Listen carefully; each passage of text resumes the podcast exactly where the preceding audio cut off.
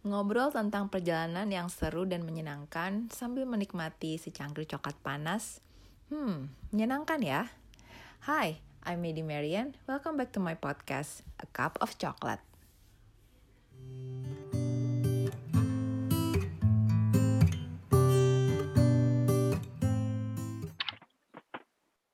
Hai teman-teman, selamat tahun baru. Uh, semoga kita semua semua ini selalu sehat, terus uh, corona segera berlalu, pandemi segera berlalu, terus nantinya kita bisa jalan-jalan dengan lebih amat lebih aman, terus ya lebih tenang lah ya. Kalau sekarang kayaknya I think it's a good time for us untuk ya uh, menahan diri dulu untuk jalan-jalannya karena kondisi uh, ya kita mesti jaga jarak, terus uh, banyak hal protokol yang mesti kita kita jaga sama masa pandemi ini. Hmm, pastinya teman-teman pengen kan pandemi ini segera berlalu, jadi ya sekarang-sekarang ini ya nggak apa-apa lah ya, kita nggak jalan-jalan dulu. Nah pas banget nih uh, di tahun baru ini dan kita ngomongin soal jalan-jalan, tapi sebenarnya nggak bisa jalan-jalan dulu. Nah uh, kita mau belajar gimana caranya, kalaupun kita hmm, terpaksa harus jalan-jalan di di masa yang sekarang ini, tapi uh, kita tetap bisa jaga imun tubuh, bisa tetap sehat, terus ya pastinya jalan jalan-jalan tapi tidak menyebar virus gitu kan ya lebih aman.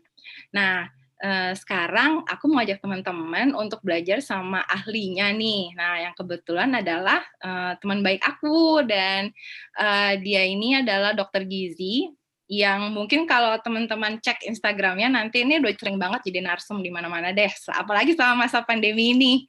Uh, dan uh, teman gue ini cukup banget menurut gue mm, menyuarakan tentang uh, masalah imun tubuh ini yang which is kalau tadi gue sempat juga cerita ke dia imun tubuh tuh suatu bahasa suatu istilah yang mungkin baru familiar pada saat masa pandemi ini uh, which is sebenarnya nggak boleh kita hiraukan, eh nggak boleh kita lupakan, uh, walaupun nanti misalnya pandemi sudah berlalu gitu. Nah, tapi um, mm, sekarang kita langsung aja ngobrol sama uh, temanku yang sudah akhirnya bersedia hadir di sini. Halo Rita. Hai Matt, senang sekali gue boleh diundang ke sini. Yeay, akhirnya berhasil ya. By the way, akhirnya. ini apa mengundang Lita ini perlu appointmentnya setahun in advance loh. Gila. Karena udah dari tahun lalu ya. Desember maksudnya ya, Desember 2020. udah udah setahun kan, udah setahun.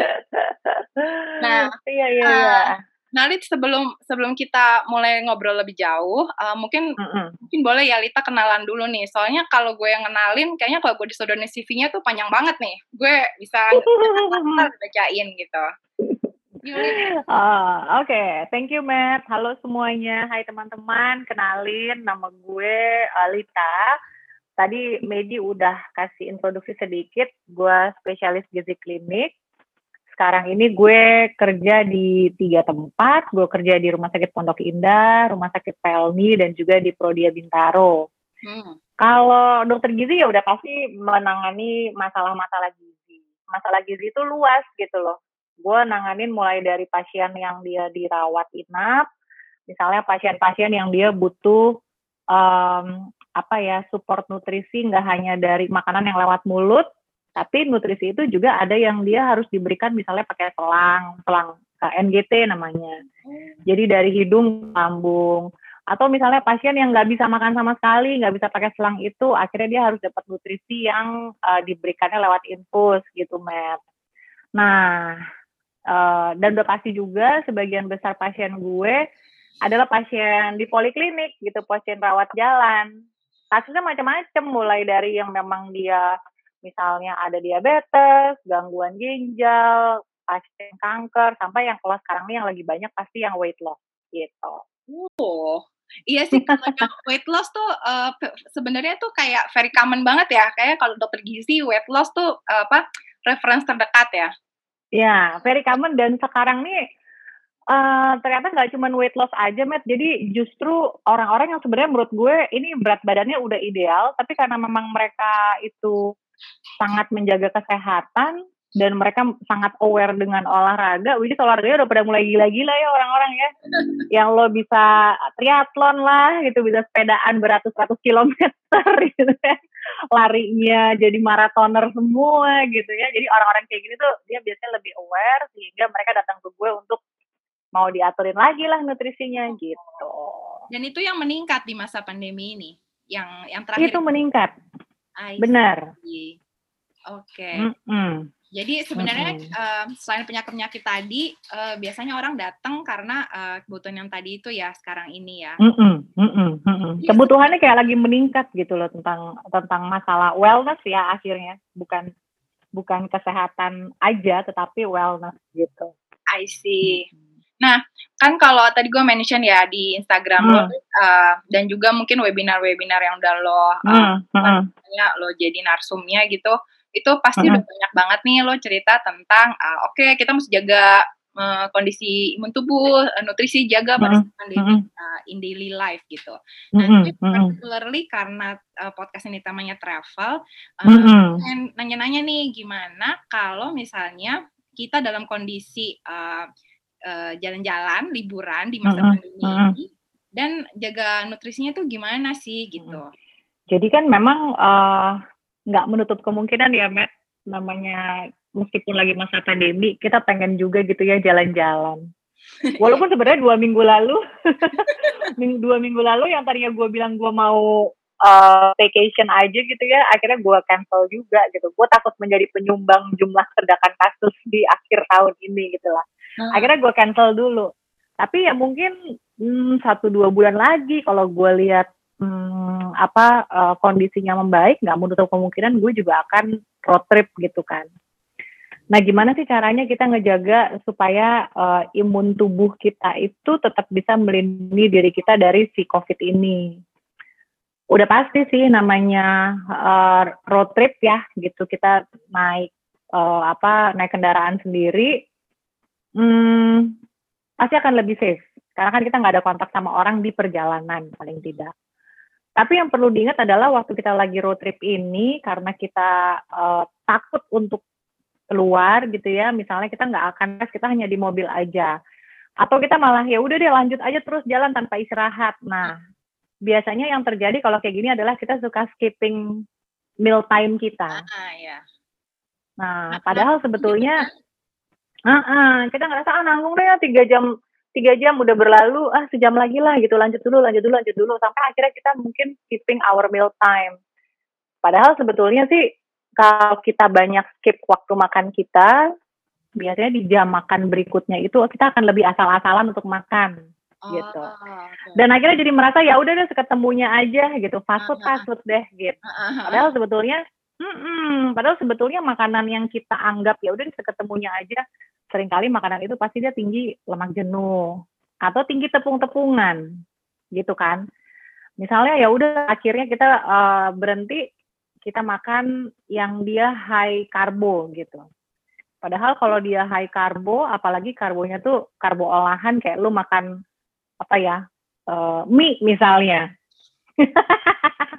gitu. Nah, terlalu banyak makan tepung itu ternyata juga bisa melemahkan sistem imun kita, Matt. Oh, Oke. Karena kan uh, sistem imun kita itu juga dipengaruhi oleh ada bakteri baik yang ada di saluran cerna kita kan. Nah, kalau si bakteri baik ada di saluran cerna kita itu tidak cukup mendapatkan serat, which is di makanan yang bertepung tadi kan serat kan hampir nggak ada gitu. Hmm.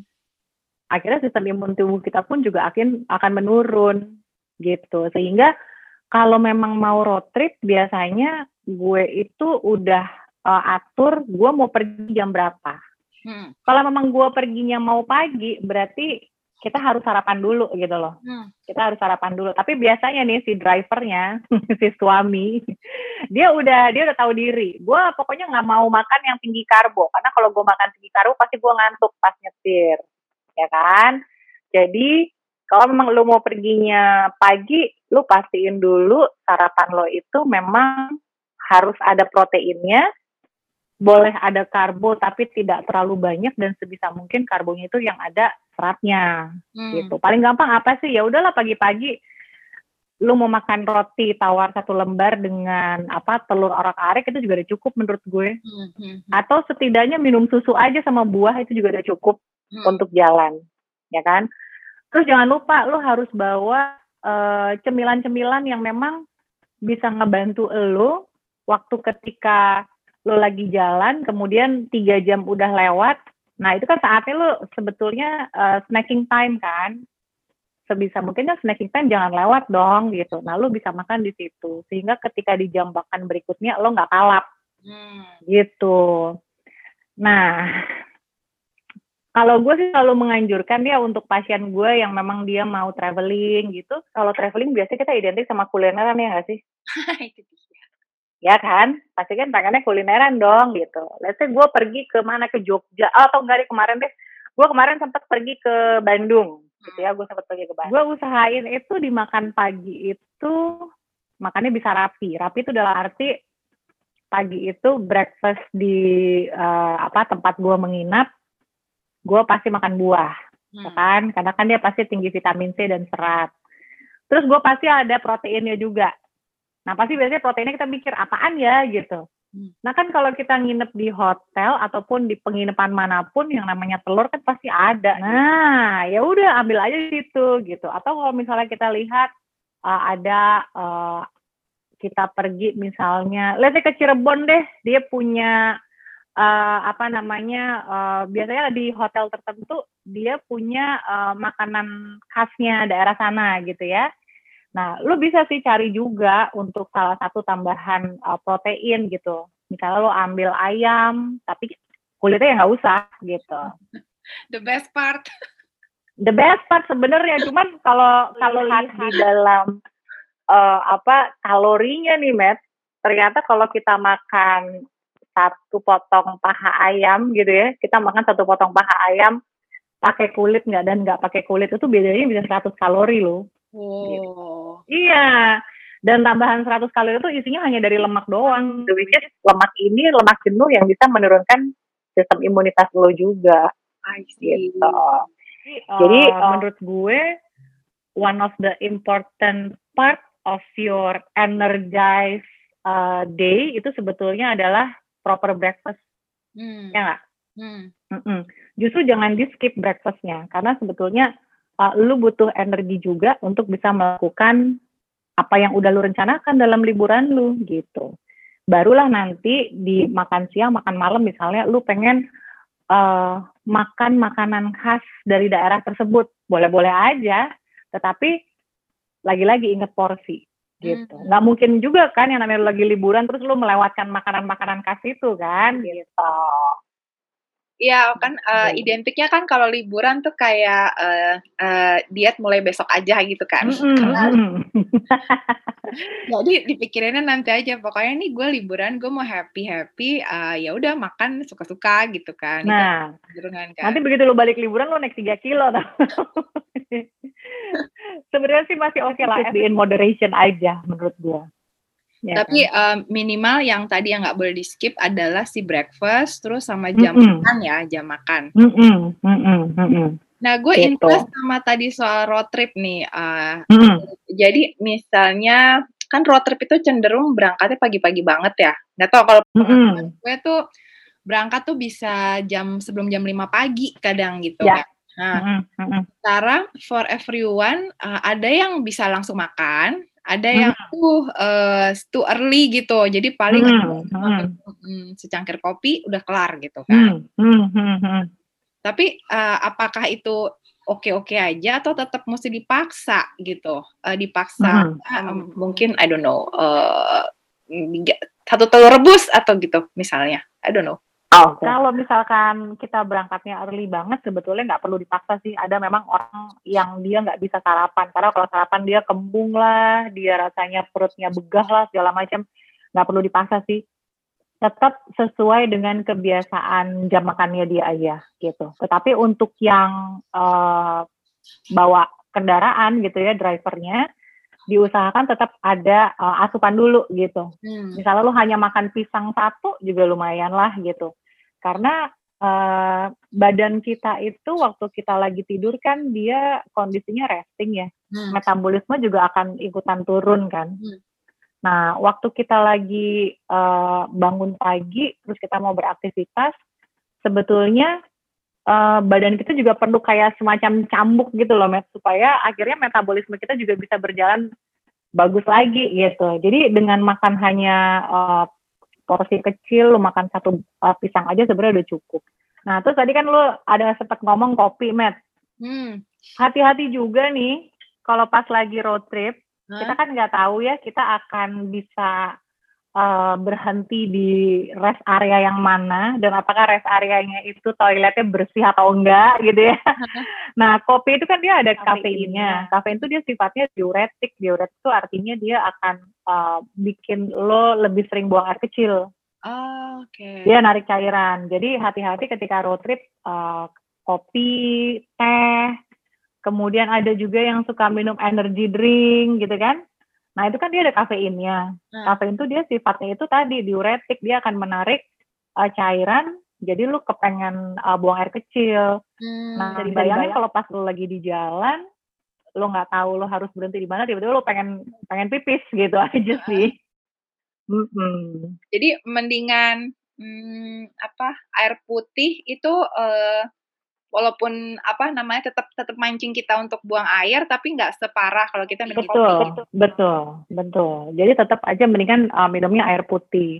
Terus hindarin juga nih uh, misalnya pas lagi road trip itu kan kadang-kadang ada yang suka minum minuman uh, berelektrolit. Nah biasanya minuman yang berelektrolit itu kan dia juga ada gulanya Nah. Is sebetulnya peruntukannya dia adalah untuk kalau kita habis berolahraga, kita berkeringat sehingga kita perlu merefresh elektrolit dan juga gula kita secara cepat.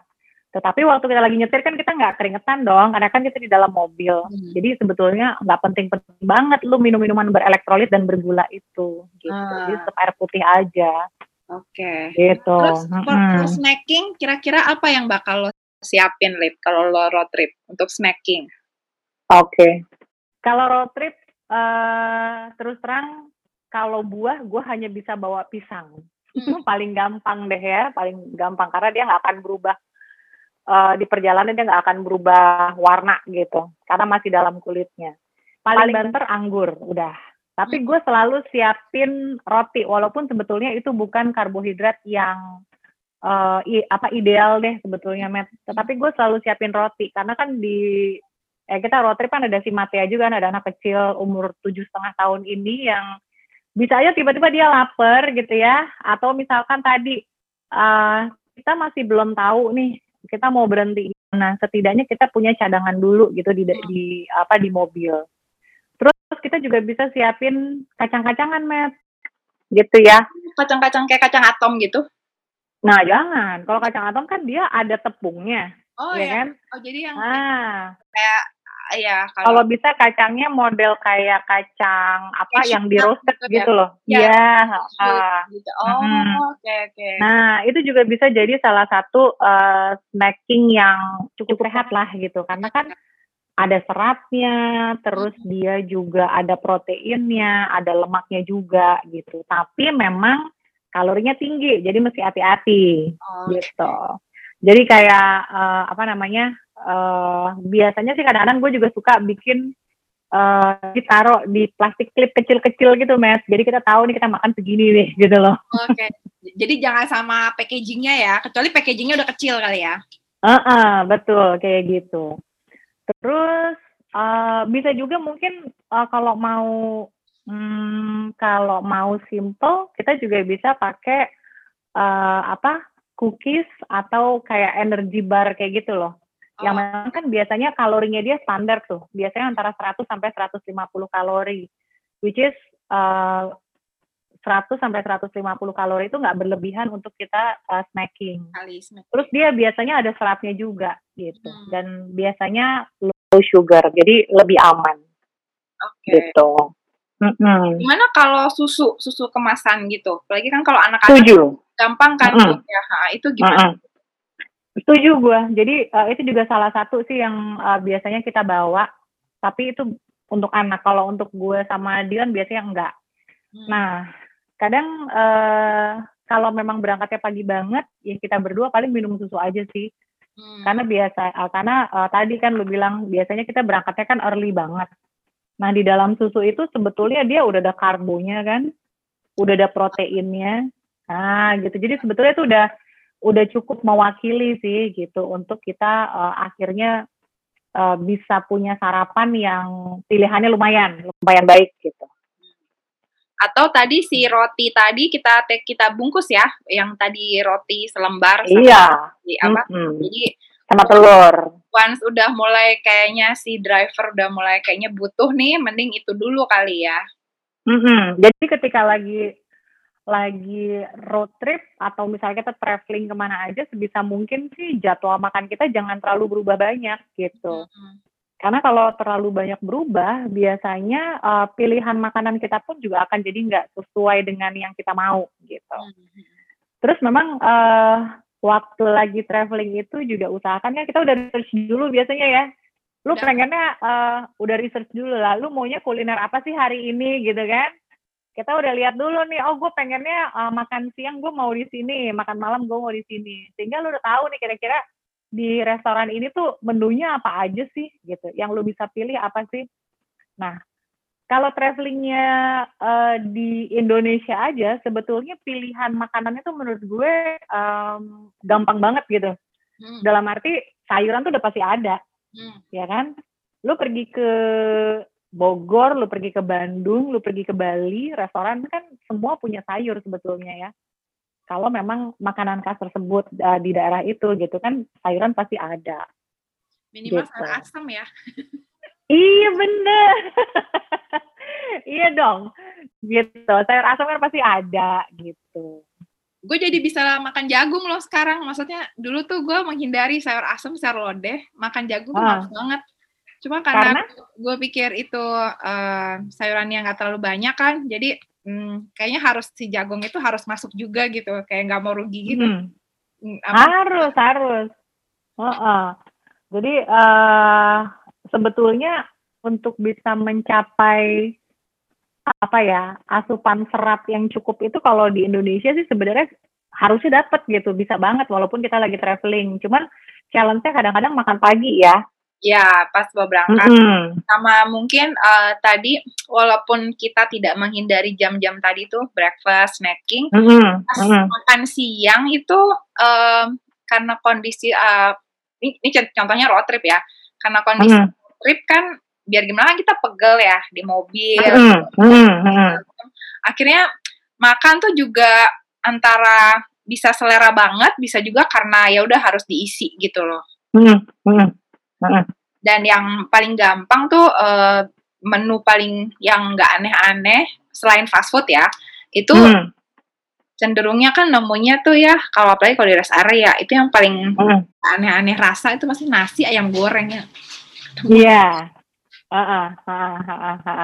Sebenarnya sih masih masih acceptable sih. Seandainya lu makan uh, pas lu lagi di rest area dia cuma ada nasi, ayam goreng, lalap mm-hmm. gitu kan? Nasinya masih bisa lu batasin gitu. Ayam goreng masih bisa lu ilangin dari kulitnya sehingga kalori lu nggak berlebih. Terus lu masih bisa order lalapan gitu jadi sebetulnya serat tuh masih ada gitu.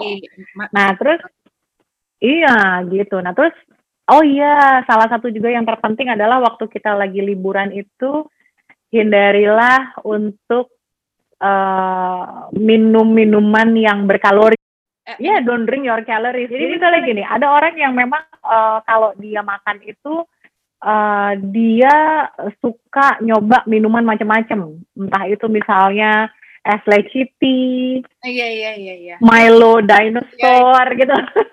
Kan kayaknya seger kok es leciti. Kan kalau yeah. lagi apa pas apa bayangkan kalau misalnya cuacanya cerah banget nyampe rest area uh. yang panas tuh nasi uh. ayam goreng plus leciti gitu kan uh, uh, uh, uh. nah itu kan sebenarnya uh, lu lagi-lagi lu mengasup kalori hanya dengan lu teguk doang gitu loh kan rugi uh, banget yeah, yeah, yeah, yeah. dan mostly yang lo yang lo masukin kalorinya itu asalnya dari gula gitu kan uh, uh, uh, gue sih selalu apa ya uh, selalu berpikiran gini kalau lo udah cheat dari minuman lo, let's say lo minum es teh manis aja deh yang paling simpel. Es teh manis itu satu gelas udah 150 kalori. Okay. Sedangkan misalnya lo pergi ke Jogja gitu, lo pergi ke Jogja, Jogja apa sih yang baru makanan? Hmm, gue nyari ya. di sana. Apa? Udah pasti nyari nasi gudeg pertama. Nah, ya, ya, let's say lo makan nasi gudeg atau misalnya cemilan apa ya di Jogja tuh yang baru uh, yang bisa lu coba? Oh, gelato, sorry, Iya, gelato. gelato.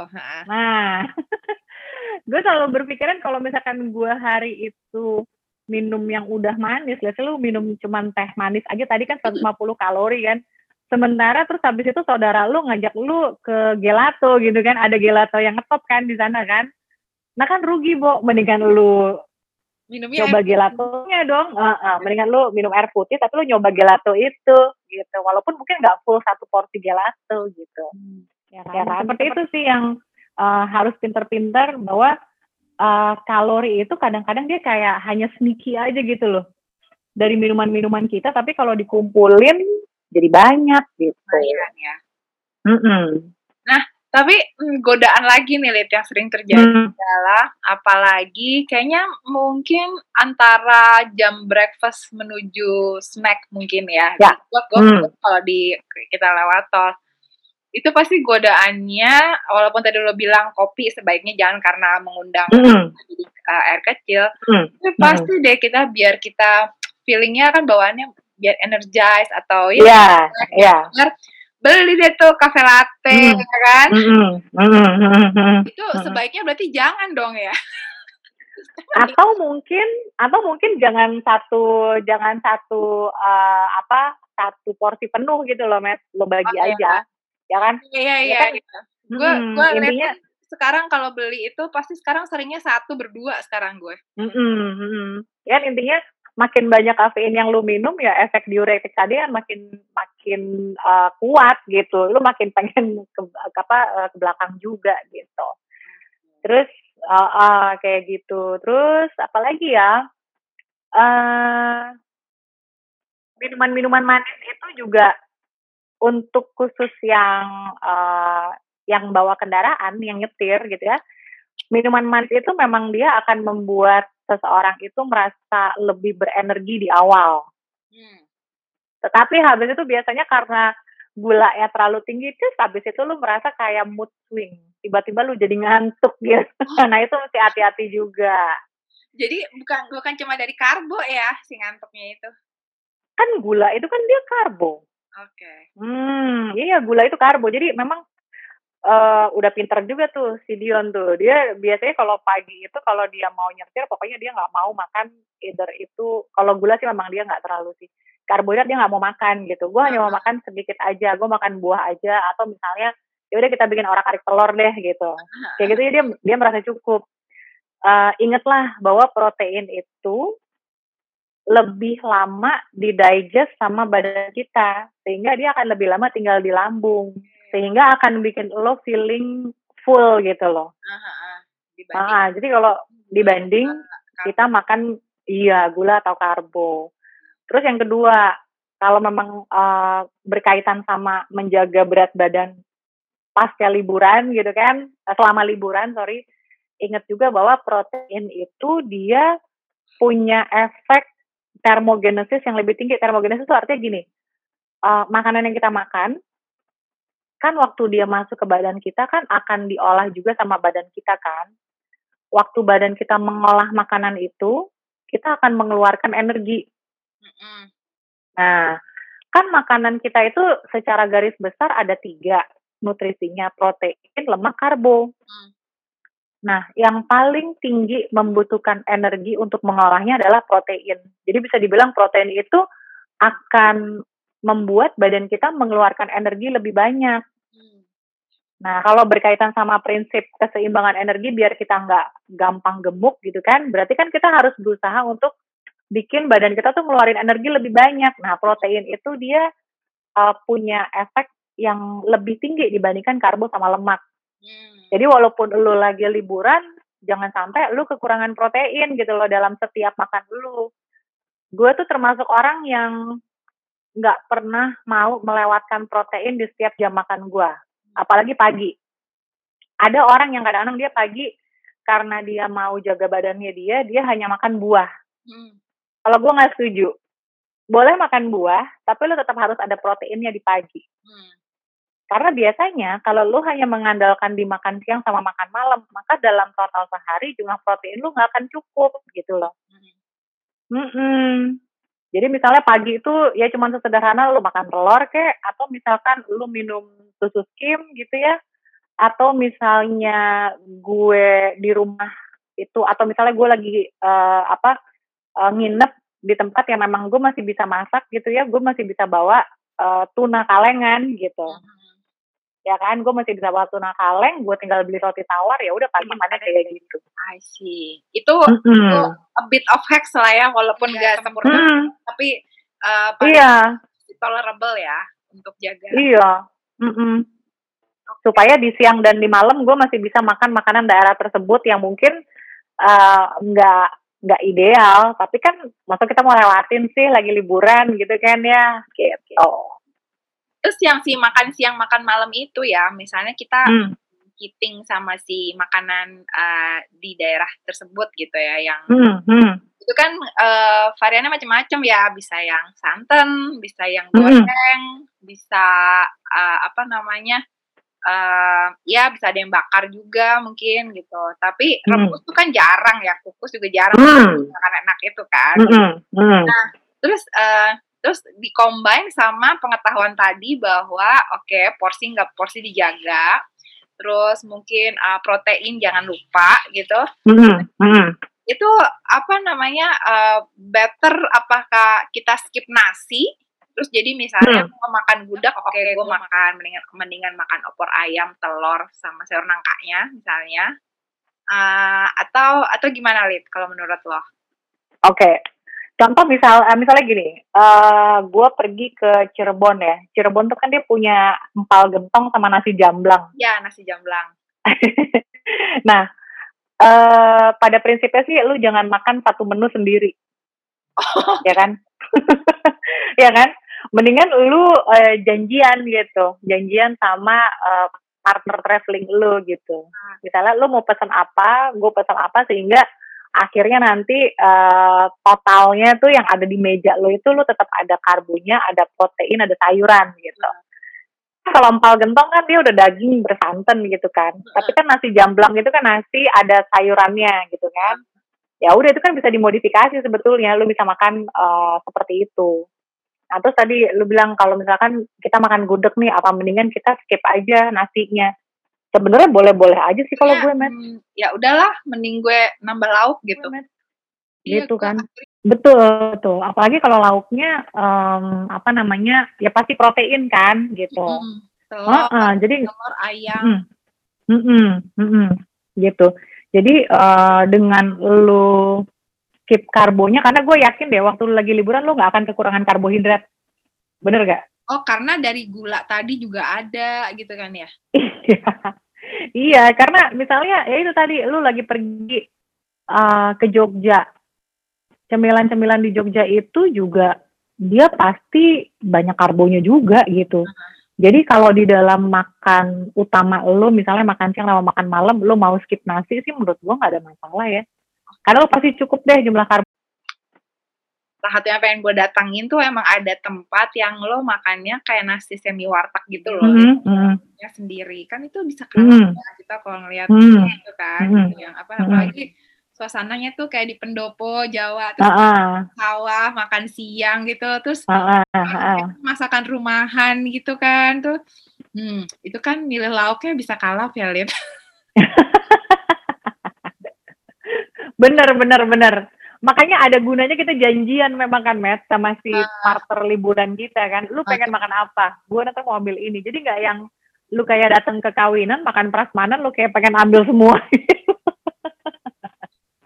Gitu okay. kan. Atau kalaupun lo nggak sharing nggak janjian ya lo uh, apa uh, mungkin uh, mungkin lo ngider dulu lo lihat tuh ada apa aja. Betul. Betul. Lu pelajarin dulu itu ada apa aja gitu kan Terus uh, lu bisa pilih uh, apa namanya? Lu pilih makanan-makanan yang kira-kira kalorinya lebih kecil gitu. Ah, okay. Misalnya, yang satu ada tempe bacem, satu lagi ada tempe mendoan. Ya, lu bisa ambil tempe ah. bacem gitu kan? Uh, uh. Terus satu lagi, misalnya lu ada uh, satu ikan goreng, satu lagi ayam goreng. Lu mau pilih yang mana? Kira-kira pilih mana, Matt? Gue doyan ikan soalnya. Sebenarnya iya, gue juga gue doyan ikan sih. Tapi uh, emang ada apa namanya ada yang ngitungin kalorinya gitu ya. Jadi ternyata uh, ayam goreng sama ikan goreng itu ternyata kalau ayamnya itu lu kletek, lu ilangin kulitnya, nasi ayam goreng yang sudah tak berkulit itu dengan si ikan goreng, ternyata kalorinya lebih tinggi ikan goreng jauh. Iya, karena ikan itu dia lebih menyerap si minyak waktu lagi digoreng itu loh. Jadi gue lebih, oh, oh. Jadi kalau misalnya ada pilihan kayak gitu, biasanya gue lebih pilih ayam aja deh. Terus kulitnya gue, memang gue nggak makan kulitnya sih. Oh, I see. Selama ini gue pikir ikan itu the safest choice. Kalau bakar nggak apa-apa. Oh. Apa uh, ikan bakar tuh pepes gitu nggak apa-apa sih. Tapi kalau digoreng dia biasanya dia menyerap minyaknya tuh lebih banyak dibanding hanya ayam goreng aja. Oke. Okay. Hmm. Ada makanan ya Lid yang ini kalau nggak pakai nasi nggak enak. Ada kan ya makanan-makanan? Hmm. Nah, ya termasuk kayak ayam goreng itu ya walaupun sedikit pasti lu pengen sama nasi gitu kan. Hmm. hmm namanya apalagi apalagi kalau cuma pilihannya lalap doang gue sih nggak nendang ya kecuali ada kayak mm, mm, mm. gitu atau yang mm.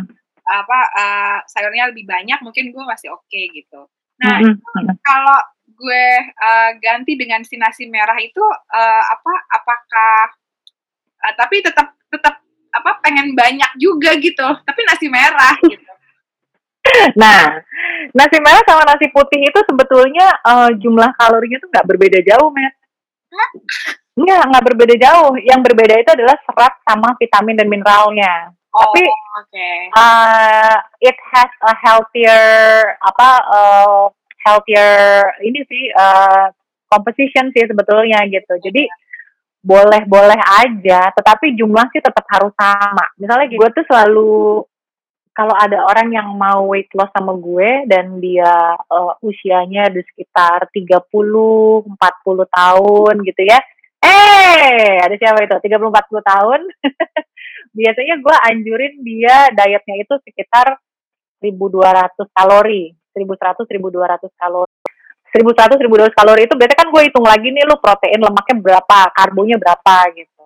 Nah, kalau karbonya itu biasanya sehari itu lu masih bisa makan misalnya pagi itu lu uh, kita ngomong karbonya misalnya pagi lu makan roti roti tawar satu satu lembar siang lu masih bisa makan nasi enam sendok.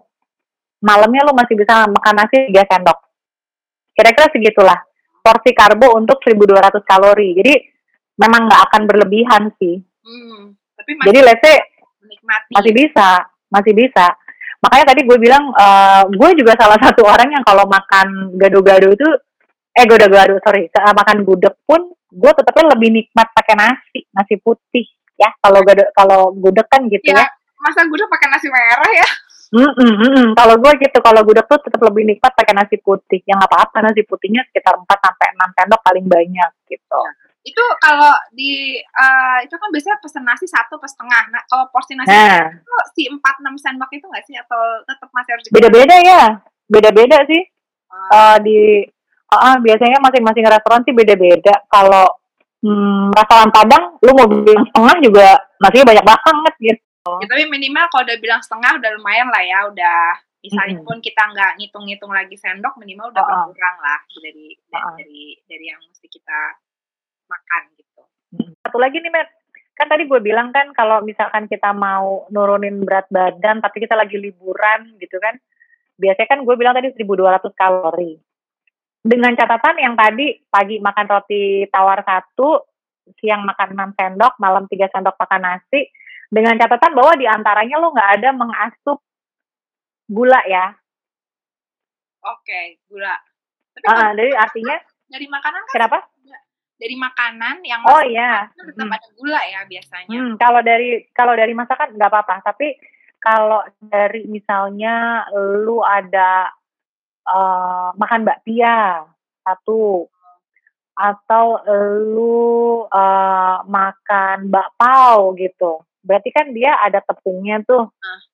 Nah, kalau lu udah nyemil yang kayak gitu, berarti strateginya adalah di jam makan berikutnya sebisa mungkin lu ngurangin karbo atau nggak pakai karbo. Oke, karena udah tergantikan sama itu ya?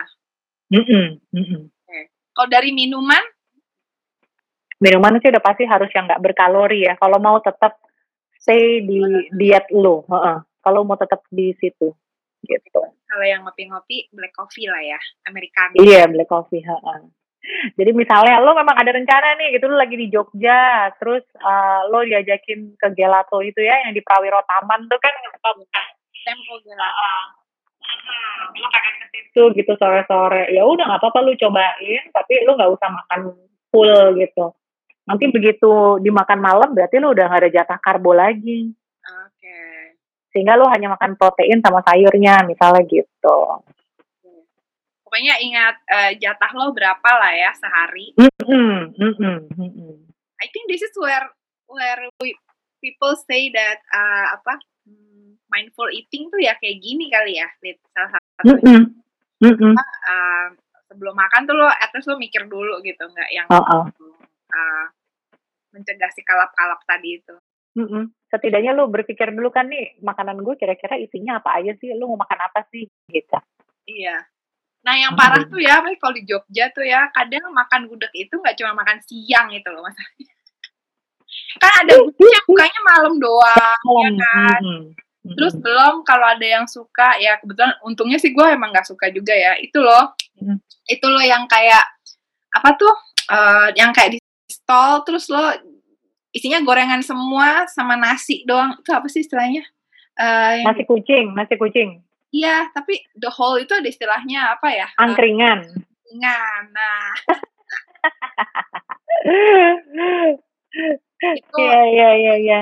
itu ya kebetulan kalau gue, gue nggak terlalu tergoda sih, gue lebih milih ma milih makan gelato daripada itu. Tapi itu kan Mhm mhm dimakannya kan pasti pakai nasi ya dan itu malam doang gitu.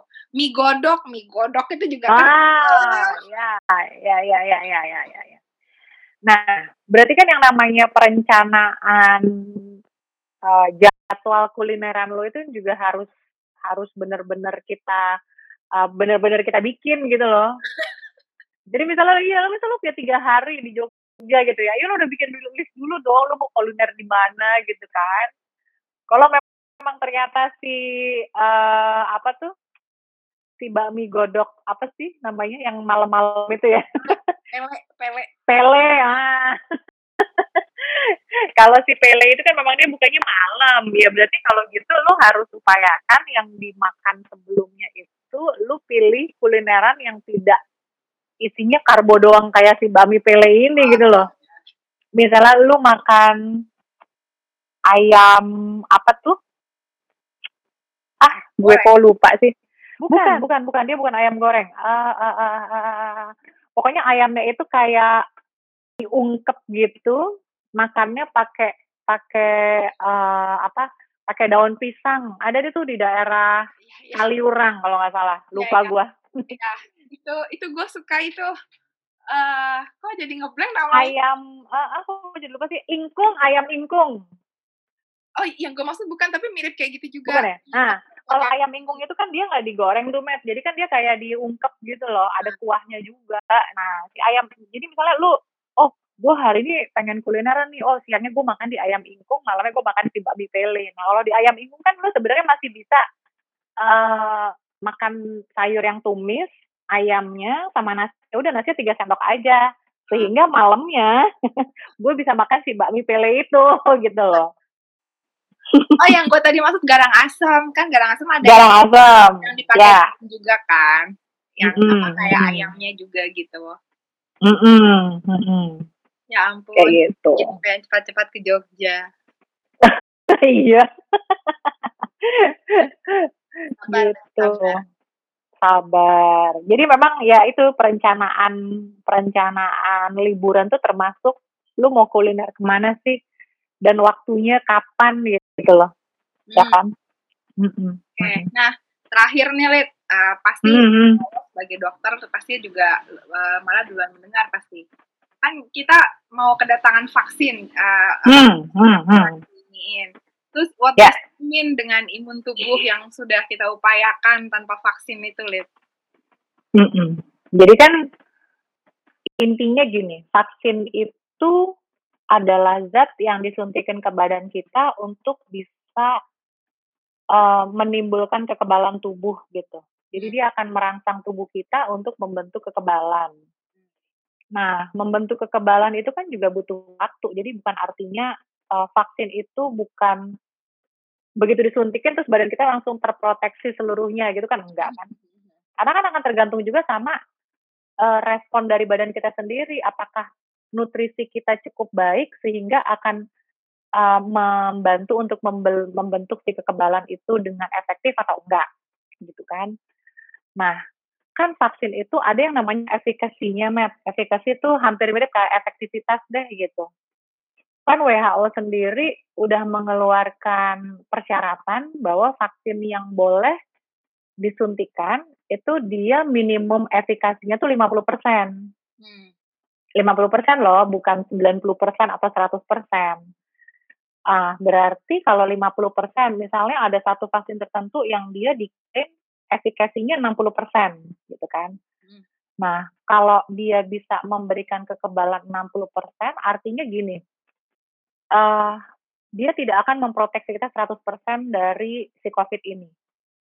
Masih ada chance kita kena COVID juga, walaupun udah divaksinasi, tetapi kita akan uh, timbul gejalanya itu 40% lebih ringan oh. ketimbang orang yang nggak divaksin. Oh okay. jadi but uh -uh. still there ya berarti maksudnya nggak berarti still there nggak berarti uh, apa namanya uh, gue sama covid nggak bakal kena mm -hmm. juga gitu uh -uh. jadi uh, apa protokol kesehatan tetap dijalanin 3 M itu tetap harus dijalanin jadi walaupun udah ada misalnya nanti nih pertengahan Januari gue udah divaksin gitu ya bukan berarti sejak gue disuntik itu gue udah kebal covid enggak tapi badan gue tetap butuh waktu untuk membentuk yang namanya kekebalan tadi Nah, tapi kekebalan tadi itu pun tidak artinya 100% gue bakalan tidak kena COVID sama sekali. Enggak, tetap masih bisa kemungkinan kena COVID, tapi mungkin gejalanya lebih ringan. Hmm. Gitu, bisa menurunkan sampai 40 persennya gitu loh dibandingkan, oh bukan 40 persen, 40 kali lebih ringan dibandingkan orang lain yang tidak divaksin. Jadi ya sebetulnya uh, memberikan manfaat dong. Kalau bisa sampai efikasinya 60% aja sebetulnya memberikan manfaat buat kita. Gitu. Tapi still si apa namanya usaha-usaha kita menjaga imun tubuh tadi melalui uh, asupan makanan ya impactnya tetap aja ya uh, akan iya. akan selalu lebih baik dibanding tidak sama sekali. Mm-mm. Kan lagi-lagi ke, kembali lagi bahwa yang akan membentuk antibodi atau kekebalan itu kan salah satunya bahan bakunya kan protein, hmm. ya kan? Protein dan vitamin-vitamin yang kita makan dari makanan kita. Kan? Seru banget, Rit. Gue, gue ya, walaupun sering ngobrol sama lo, tetap aja dapat aja pasti hal-hal baru gitu.